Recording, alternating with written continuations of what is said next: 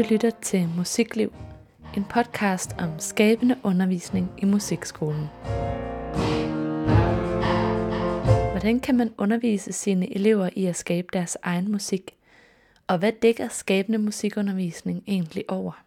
På Lolland Musikskole har vi i vores musikpædagogiske projekt Musikliv haft fokus på netop skabende musikundervisning det sidste år.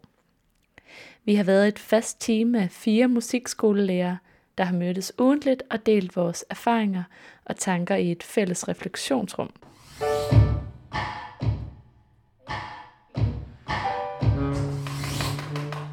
Til møderne har vi læst faglitteratur, set videomateriale, gennemgået cases, og så har vi ikke mindst eksperimenteret med at afprøve konkrete metoder til at undervise i musik på måder, hvor elevernes skabende evner og kreativitet bliver sat i spil.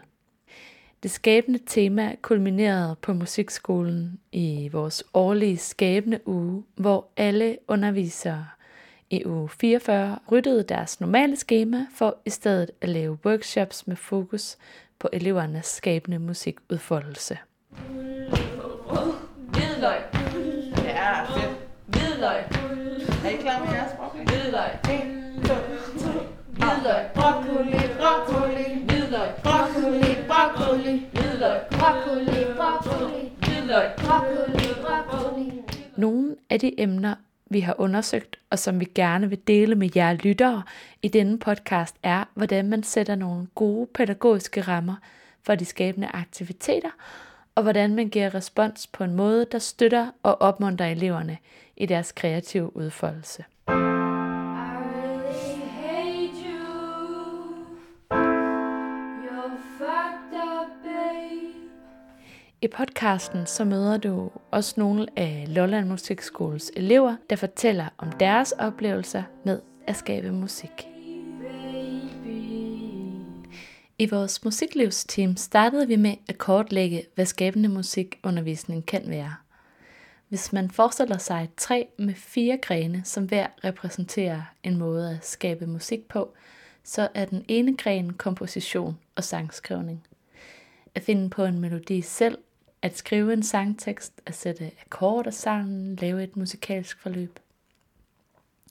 En anden gren er improvisation, at finde musik i nuet, at spille og synge med spontanitet. En tredje gren er fortolkning. At lægge sin musikalitet ind i noget musik, som andre har skrevet, at forme musikken, måske ændre udtrykket og på den måde gøre den til sin egen. En fjerde gren er klangskabelse, at undersøge sit instrument eller sin stemmes klangfarver og udtryksmuligheder alene eller sammen med andre. Hver af de her grene har forskellige forgreninger, og nogle gange så lapper grenene over hinanden og vokser sammen.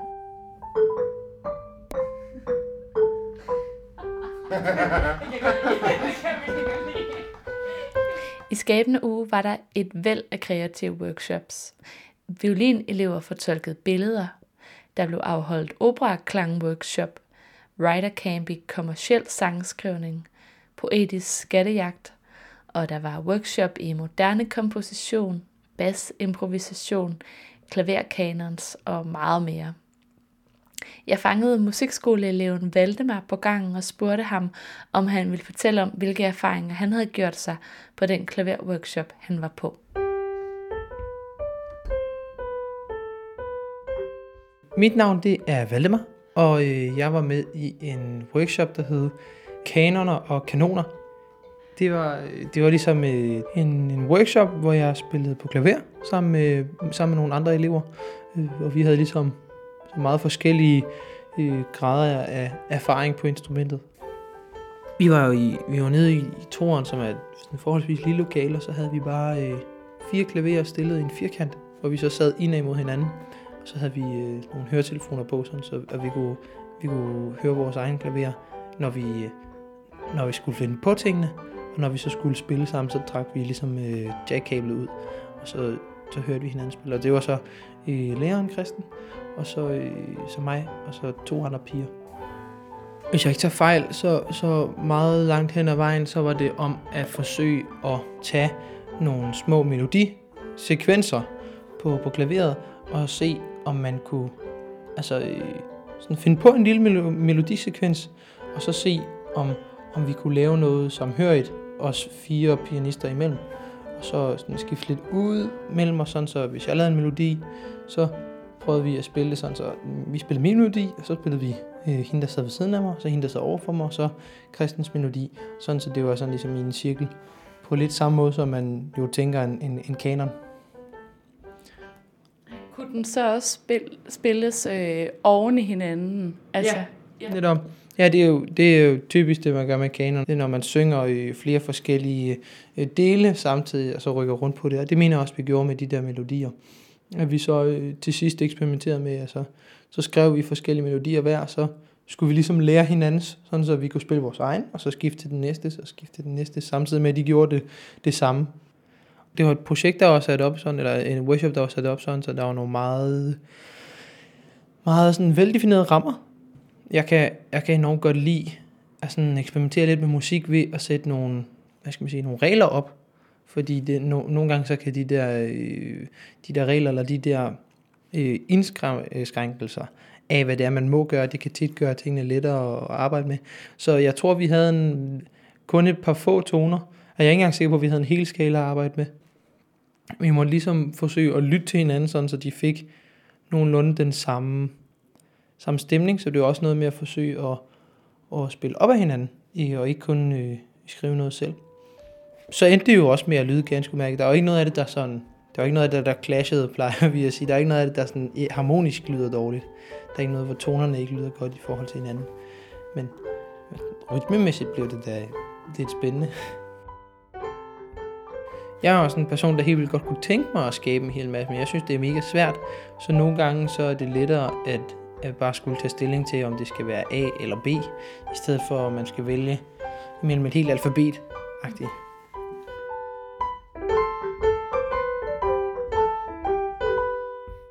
Noget af det, der er fokus på, i, når vi laver workshops, det er også det der med at, at forsøge at få eleverne til at kunne øh, hjælpe med at løfte hinanden indbyrdes. Øh, for det, altså udover at hvis man skal lære en sang, så er det lettere, hvis eleverne kan hjælpe hinanden til at lære sang, i stedet for at læreren skal hjælpe hver enkelt elev, så er det også ret praktisk, at man kan dele ens erfaringer og ens fejl på kryds og tværs. Øh, og hvis jeg spiller noget på en bestemt måde, så kan det være, at der er nogen, der, øh, der var nogle af de andre, som ligesom, øh, som lyttede til det, og, og fandt ud af, at man, han gør det på den her måde, hvorfor gør han det på den her måde? Eller bare tænkt, okay, hvordan kan jeg, hvordan kan jeg spille op af det? Man kan jo næsten ikke starte for tidligt med det.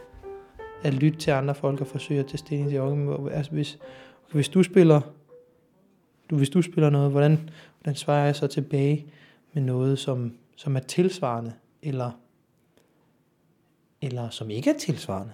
Altså det må også være, det må også være noget helt andet. Men det der til, med at tage stilling til andre, ja.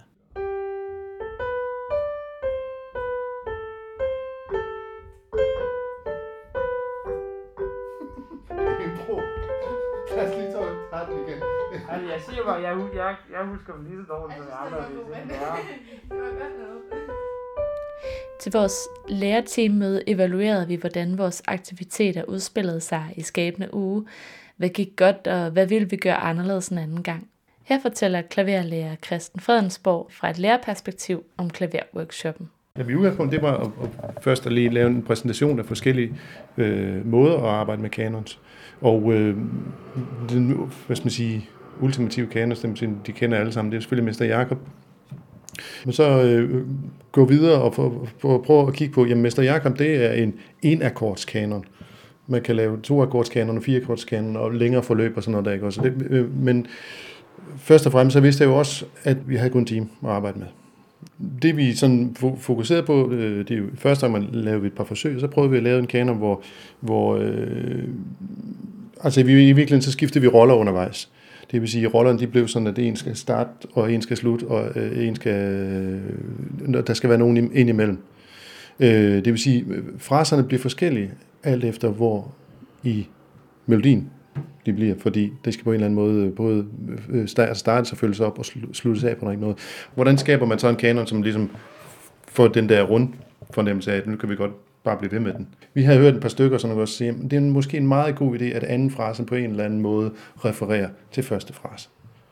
Og sidste, sidste frase på en eller anden måde runder den af. Men den tredje frase, hvad skal den? Så, så var det tilfældigvis Valmar, der sad og skulle lave den der tredje frase, og han gav den en helt anden kant ved at lave det der svingende noget ind i det, som jeg ikke havde egentlig startet ud med og lave en optakt og sådan noget. Det var, og det var meget fedt, fordi også vi har nemlig taget, øh, haft et par eksempler på det og sådan, ikke også, hvordan det virkede. Men, men igen, det siger, altså, det er jo små bitte elementer af, hvad siger sådan en melodisk, melodisk frase også. Altså, når jeg spiller den første fra, bam, bam, bam, bam, bam, bam, bam, hvor er den hen?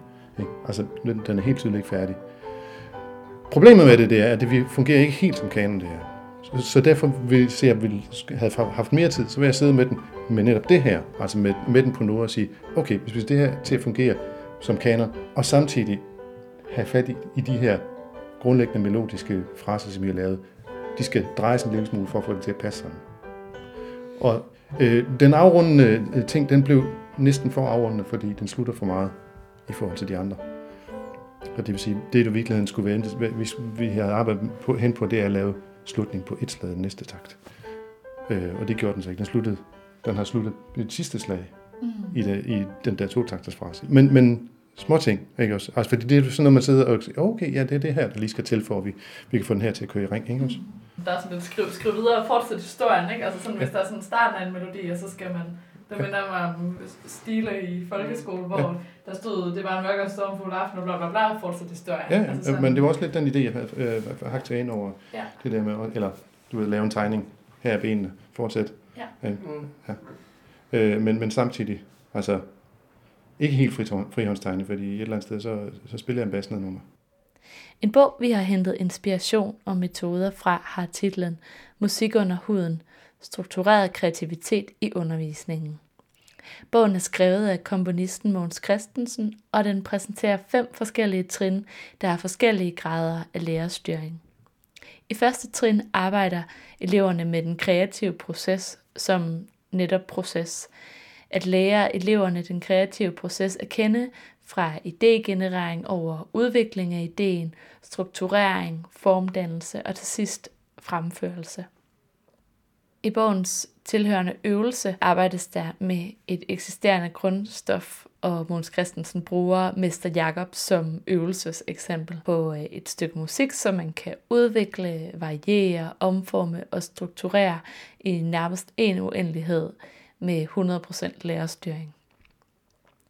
I andet trin så bruger man den kreative proces til at nærme sig et eksisterende musikstykke på en nonverbal måde, øh, så det er en metode til at bruge den kreative proces som en formidlingsmetode. Og her tager bogens øvelseseksempel fat i Bachs Bourré. Og på den måde fortsætter bogens trin op til femte og sidste trin, hvor den kreative proces er en fri kunstnerisk proces. Lærerens rolle er forskellig på hvert trin.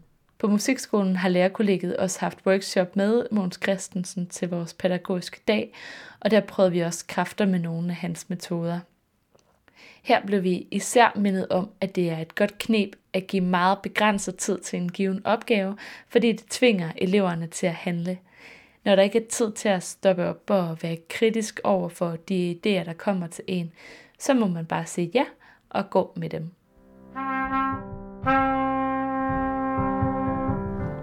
Vi skal nu høre trompetelev Mathias fortælle om den moderne kompositionsworkshop, han var på.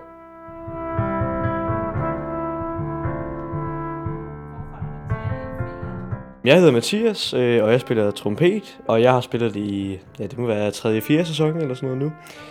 Og så, ja, det, jeg spiller både i band, og så spiller jeg solo, og jeg spiller i et blæserorkester også og det gør jeg alt sammen om mandagen. Det, jeg var med til, det var en komponist-workshop, kaldte den. Øhm, og det var jo sådan med, med, hvor det var, vi skulle ja, komponere musik øh, og prøve at skabe vores eget ligesom, i, i grupper. Og jeg var så med fire andre, og der prøvede vi så at lave et musikstykke, som egentlig var rigtig spændende og sjovt at lave faktisk. Øh, og øh, så var der også de her to, øh, nej tre faktisk, komponister, de hjalp os jo så i gang og øh, hjalp os med at lave nogle forskellige teknikker, som vi kunne øh, måske lære og prøve at bruge i vores musik. Og til, til sidst skulle vi ligesom bygge det hele sammen, og, og så til sidst fremvise det både for ja, hinanden og vores forældre og, alt sådan noget. Hvad var det for nogle øh, virkemidler? For, kan du komme med nogle Ja. eksempler? Jamen, der var for eksempel øh, et af virkemidlerne, hvor det var, man faktisk brugte sit telefonnummer. Øh, så øh, hvis det, det var, at man havde 23 for eksempel, så brugte man altså nummer to tone på klaveret og nummer tre tone på klaveret, sådan, så det var, at man ligesom kunne, kunne skabe noget med sit telefonnummer, og virkelig faktisk var, var rigtig sjov, og noget, altså jeg godt nok ikke havde tænkt på, at man kunne bruge sit telefonnummer til det, øh, til ligesom at skabe et musikstykke, og det virkede faktisk ganske udmærket. Vi, vi fik brugt vores telefonnummer, og det, det lød rigtig godt til sidst. Vi fik skabt en hel melodi ud af det, så det var rigtig godt. Du siger, det, det, det var rigtig godt til sidst. Hvad gjorde I så for at bearbejde det, sådan at det kom til at lyde godt? Jamen, altså ligesom, så prøvede man lidt ad og prøvede at tonerne, og så prøvede måske også lige at bytte nogle af tonerne om, sådan, så det var, at, at det, det lød godt, så man ikke bare gik fra en dyb, og så til en høj, og så til en dyb igen. Men, men så prøvede vi at lege lidt rundt med det, og så, fandt, så havde man ligesom nogle grundtoner, man kunne, man kunne lege med lidt, øh, og prøve at spille rundt med, og det lød godt til sidst, fordi så fik vi byttet tonerne rundt, og vi fik øh, lavet en lille melodi, og så byggede vi videre på den melodi, og så prøvede vi at sætte nogle andre instrumenter på, Hvilke, hvilke instrumenter havde I på? Jamen, vi havde jo øh, klaver, og vi havde en både bas og guitar faktisk, og så havde vi trommer, og så havde vi altså, ja, mig på trompet. Og det var jo alle, altså det var jo både nogen, der havde været på musikskolen lang tid, og det var nogen på musikskolen, der ikke havde været så lang tid, og, øh, så det var meget spændende også at lære at spille sammen med nogle andre, som man faktisk slet ikke kender. Vi havde så fået et overemne, så jeg tror, vi havde hjerterytme, og vi kom så hurtigt med sådan en brainstorm på, hvad kunne vi lave, hvad kunne vi lave med det, hvilket musik kunne vi kombinere. Ja, vi lavede en tidslinje, sådan så vi ville gøre sådan, så man er barn, og man bliver født, og så er man midt i livet, og teenager, og voksen, og så til sidst så bliver man gammel, og så dør man jo faktisk til sidst. Den havde jeg faktisk også med. Øh, så det var, det var rigtig sjovt at prøve det, øh, fordi så kom vi ligesom i gang på den måde med en brainstorm. Jamen, vi havde for eksempel øh, vores, til at starte med, hvor det var, at man ligesom blev født.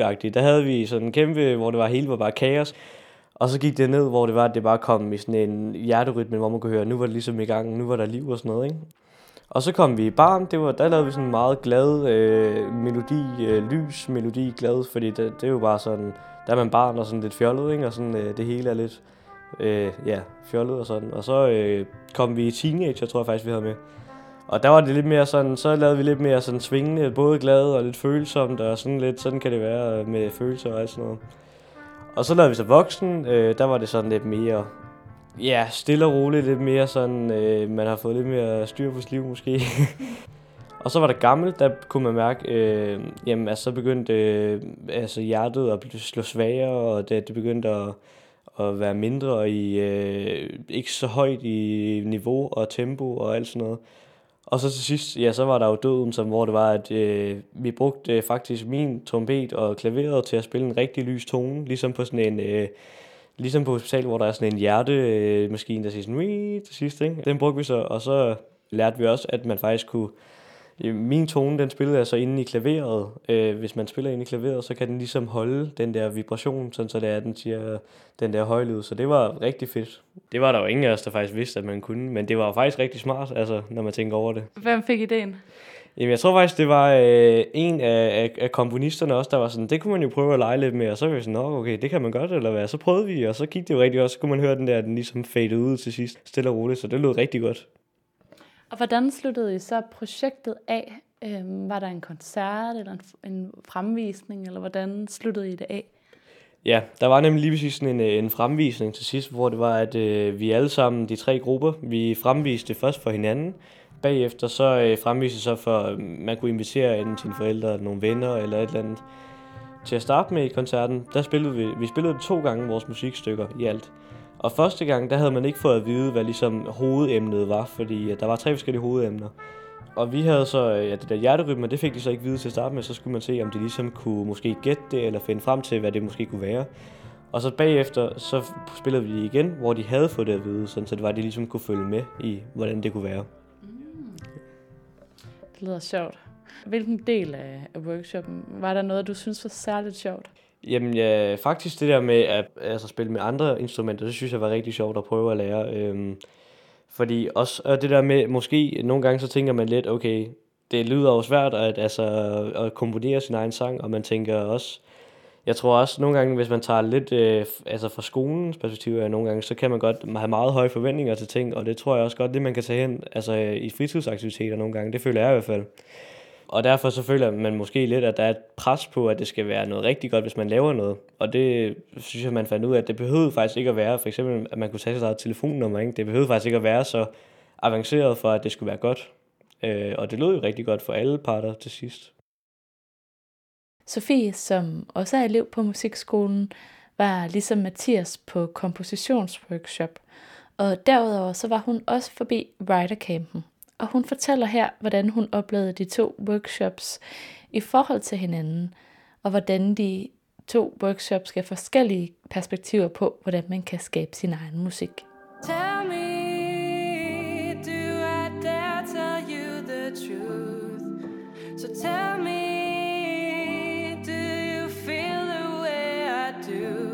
Jeg hedder Sofie, og jeg er 18 år gammel, går på gymnasiet i Majbo.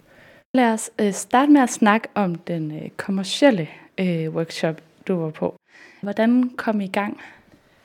Ja, altså vi fik et oplæg øh, af Søren omkring sådan nogle gode måder ligesom til at pågribe, hvordan man skulle gå i gang og sådan nogle ting. Og så, det var sådan lidt en, en, en travl uge, synes jeg selv. Så sådan, det, var, det var meget ligesom lige med at være sådan, åh, oh, Emil, nu øh, lad, os, lad os spille noget musik og finde ud af noget. Og så satte vi os ned, aftalte en dag, satte os ned. Det var meget sådan, det var meget loose, det var meget sådan, man bestemte selv, hvornår og hvor længe man ville bruge på de her ting. Så vi satte os ned og begyndte at skrive en tekst, og, og han havde ligesom lavet noget på klaveret, som jeg så tog med hjem og, og lyttede til. Og så, øh, og så skrev jeg en melodi til det, øh, og, så, og så tilføjede vi noget tekst sammen. Did you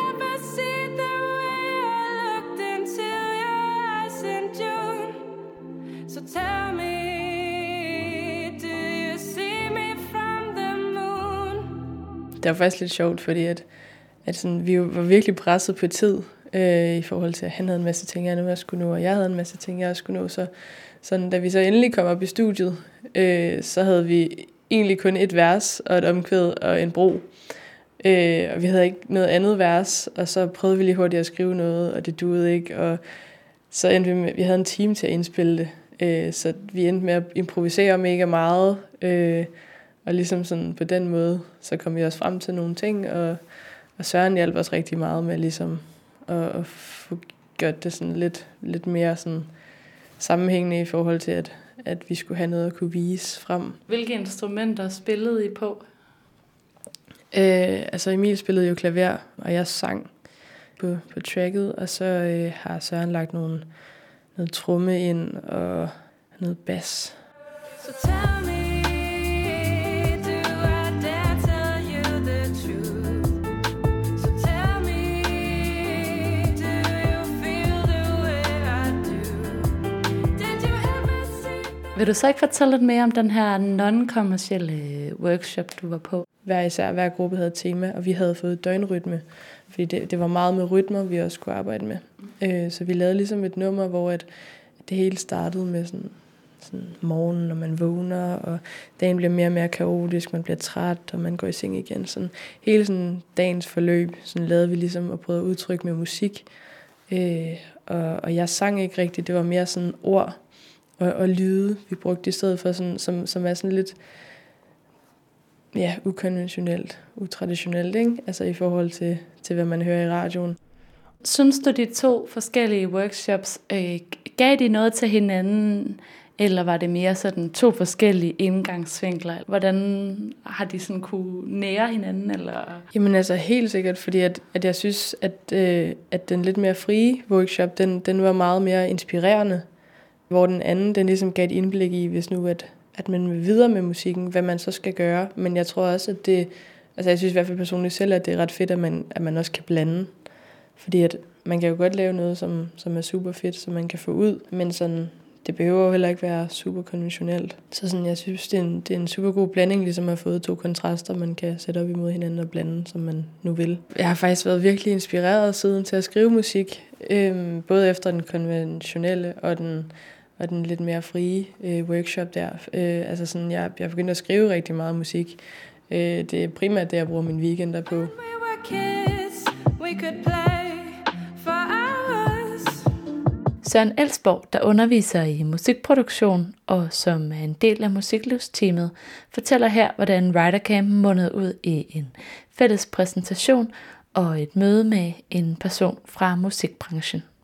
De endte med at spille det hele for en A&R og publisher, øh, som så var den samme person, som arbejder som begge, begge ting, der ligesom kunne, øh, kunne fortælle om, øh, hvad vil det sige at være sangskriver ude i den virkelige verden, og hvad vil det sige at være producer ude i den virkelige verden, hvis man ikke selv er artist, og hvad er generelt, hvad er forskellen på en publisher, og hvad er forskel, og på et, øh, og på et pladeselskab, øh, og, øh, og så endte han med at, ligesom at give dem noget feedback på, jamen hvordan, hvis han nu havde fået de her sange ind, og det havde været hans øh, publishing-selskab eller pladeselskab, der havde sat den her Rider Camp op, hvordan havde han så taget imod de her sange?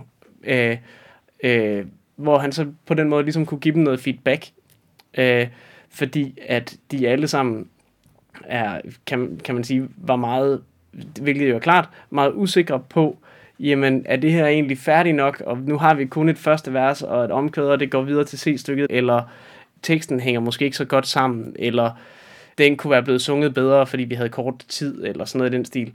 Jamen, så længe at man kan forstå, hvad er grundideen, så øh, kan man sagtens præsentere det, og så kan man gå ind i den her efterredigeringsproces øh, efterfølgende, øh, og ligesom dykke ned i det, i stedet for at man måske, hvad kan man sige, at, øh, bruger sindssygt lang tid på at, at gøre et eller andet færdigt, som egentlig ikke er specielt godt, så måske hellere prøve at være lidt mere produktiv, og så få grundidéerne ned, så man kan høre, hvad er det fede, og så tage de fede ting derfra, og så bygge videre på dem.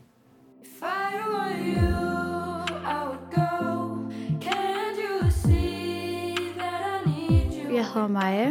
Øh, På musikskolen går jeg til solosang og kor, og jeg var til Writer Camp, hvor man ligesom kan finde ud af, hvordan man skriver sin egen sang, hvor vi fik at vide om nogle ting, vi ligesom kunne, sådan, hvordan vi kunne lave en sang, hvordan folk havde lavet deres sange, og sådan, øh, hvor vi så fandt ud af, hvordan, man ligesom, hvordan, hvordan det egentlig var, man skrev en sang. Øhm, jeg skrev for eksempel en sang med min veninde, hvor at vi ligesom fandt ud af melodien til vores sang, teksten, øhm, akkorderne og sådan noget, hvor det var meget sådan, man skulle lige finde ud af teksten og så melodien, så det ligesom passede ind. Øhm, og så fandt man ligesom, ligesom ud af det. Så det var ret sjovt at prøve at skrive den her sang, øhm, og så spille den foran, eller vise den foran en øh, producer.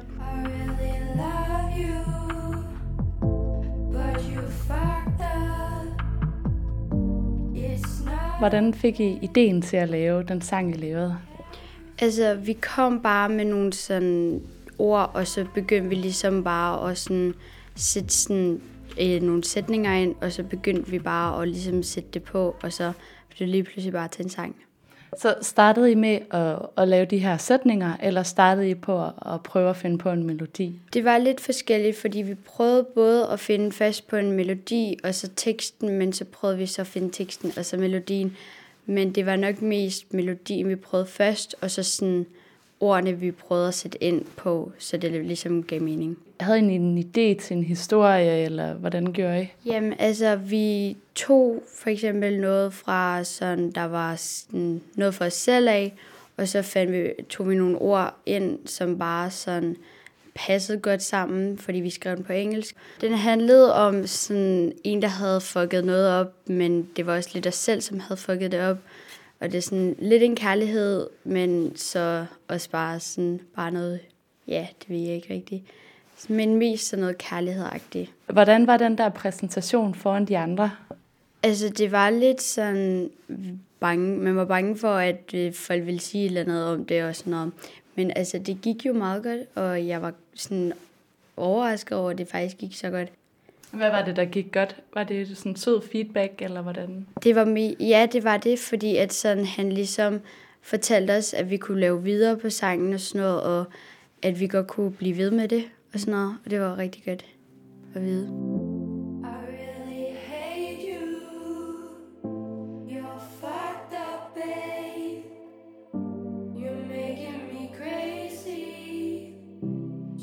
Mit store mantra øh, som jeg ligesom har præsenteret for dem som værende den gyldne regel, øh, det har været, at øh, alt, er, alt er subjektivt.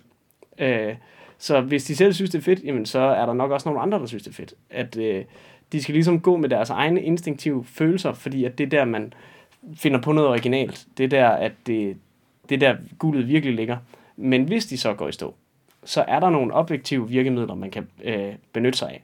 Og dem har jeg så præsenteret for dem. Og hvis de så har været gået i stå, så har jeg været rundt og gøre dem opmærksom på de her objektive virkemidler, som de vil kunne øh, benytte sig af og overveje, om det måske var det rigtige for deres sang, for at nå frem, eller nå tilbage på sporet af deres subjektive idé. Kan du komme med et eksempel på et objektivt virkemiddel? Det kan jeg godt. Må jeg spille det også? Meget gerne. Hvad hedder det? De her, de her piger her, de vil rigtig gerne have, at deres omkvæd ligesom sparkede døren ind. Og, øh, og så arbejder jeg meget med at ligesom fortælle dem, jamen, hvis jeres melodi så kommer ind før et, så kommer den til at sparke døren ind i meget højere grad, og I bliver ved med at lægge jeres melodi efter et. Så det var noget med ligesom at sige til dem, jamen de fire akkorder, I har der, der skifter på hvert et slag, det er fedt nok. Det kan vi sagtens lave en sang ud af. Og hvis I så gerne vil have, at det skal sparke døren ind, jamen så har vi de her virkemidler, som for eksempel at komme ind før et. Og det er alle sammen sådan nogle ting, som vi ikke tænker over, når vi lytter til musik, og jeg har også prøvet på at opfordre dem til, at de måtte ikke tænke over det, når de skrev det. Men hvis de så sad i sådan en situation, som de to piger gjorde, jamen så er det fedt at vide, hvad man kan gøre.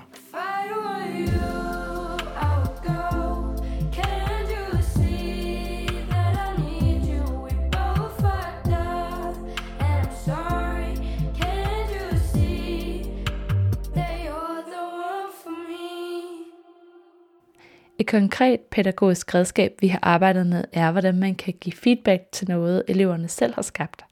Her har vi arbejdet med det, som komponist Mogens Christensen betegner kvalificerende respons. Et forsøg på en objektiv lytning og iagttagelse af elevens kreative bud. Metoden går ud på, at man som lærer genfortæller det, man har hørt og set, og på den måde så viser man eleven, at man forholder sig til det, de har skabt, og tager det seriøst.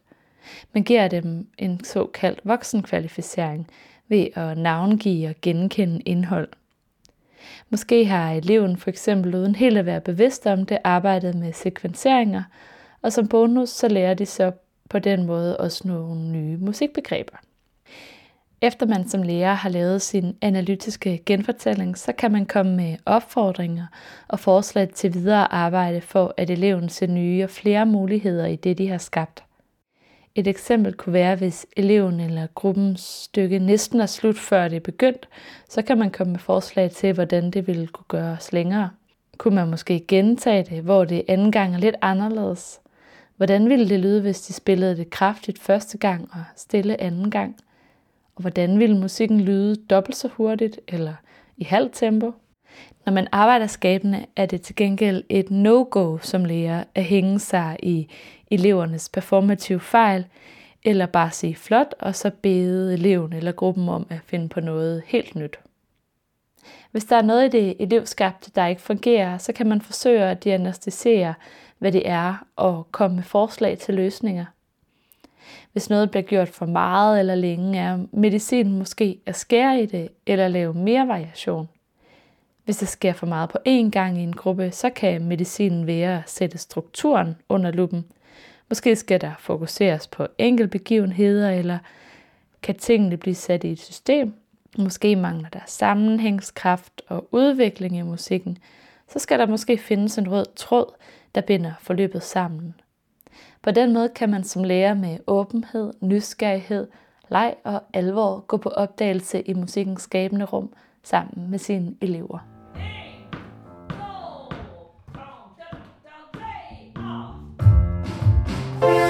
Du har lyttet til Musikliv, en podcast om skabende undervisning i musikskolen. Podcasten er tilrettelagt og produceret af mig, Signe Marie Svendum. Jeg vil gerne sige tak til de medvirkende lærere, Sidnan Dadik, Søren Elsborg, Agnes Stinesen og Christian Fredensborg. Også en stor tak til musikskoleeleverne Maja, Mathias, Sofie og Valdemar. Og selvfølgelig også en tak til dig, der lyttede med. Podcasten er blevet til som del af Lolland Musikskoles musiklivsprojekt, som er støttet af Statens Kunstfond.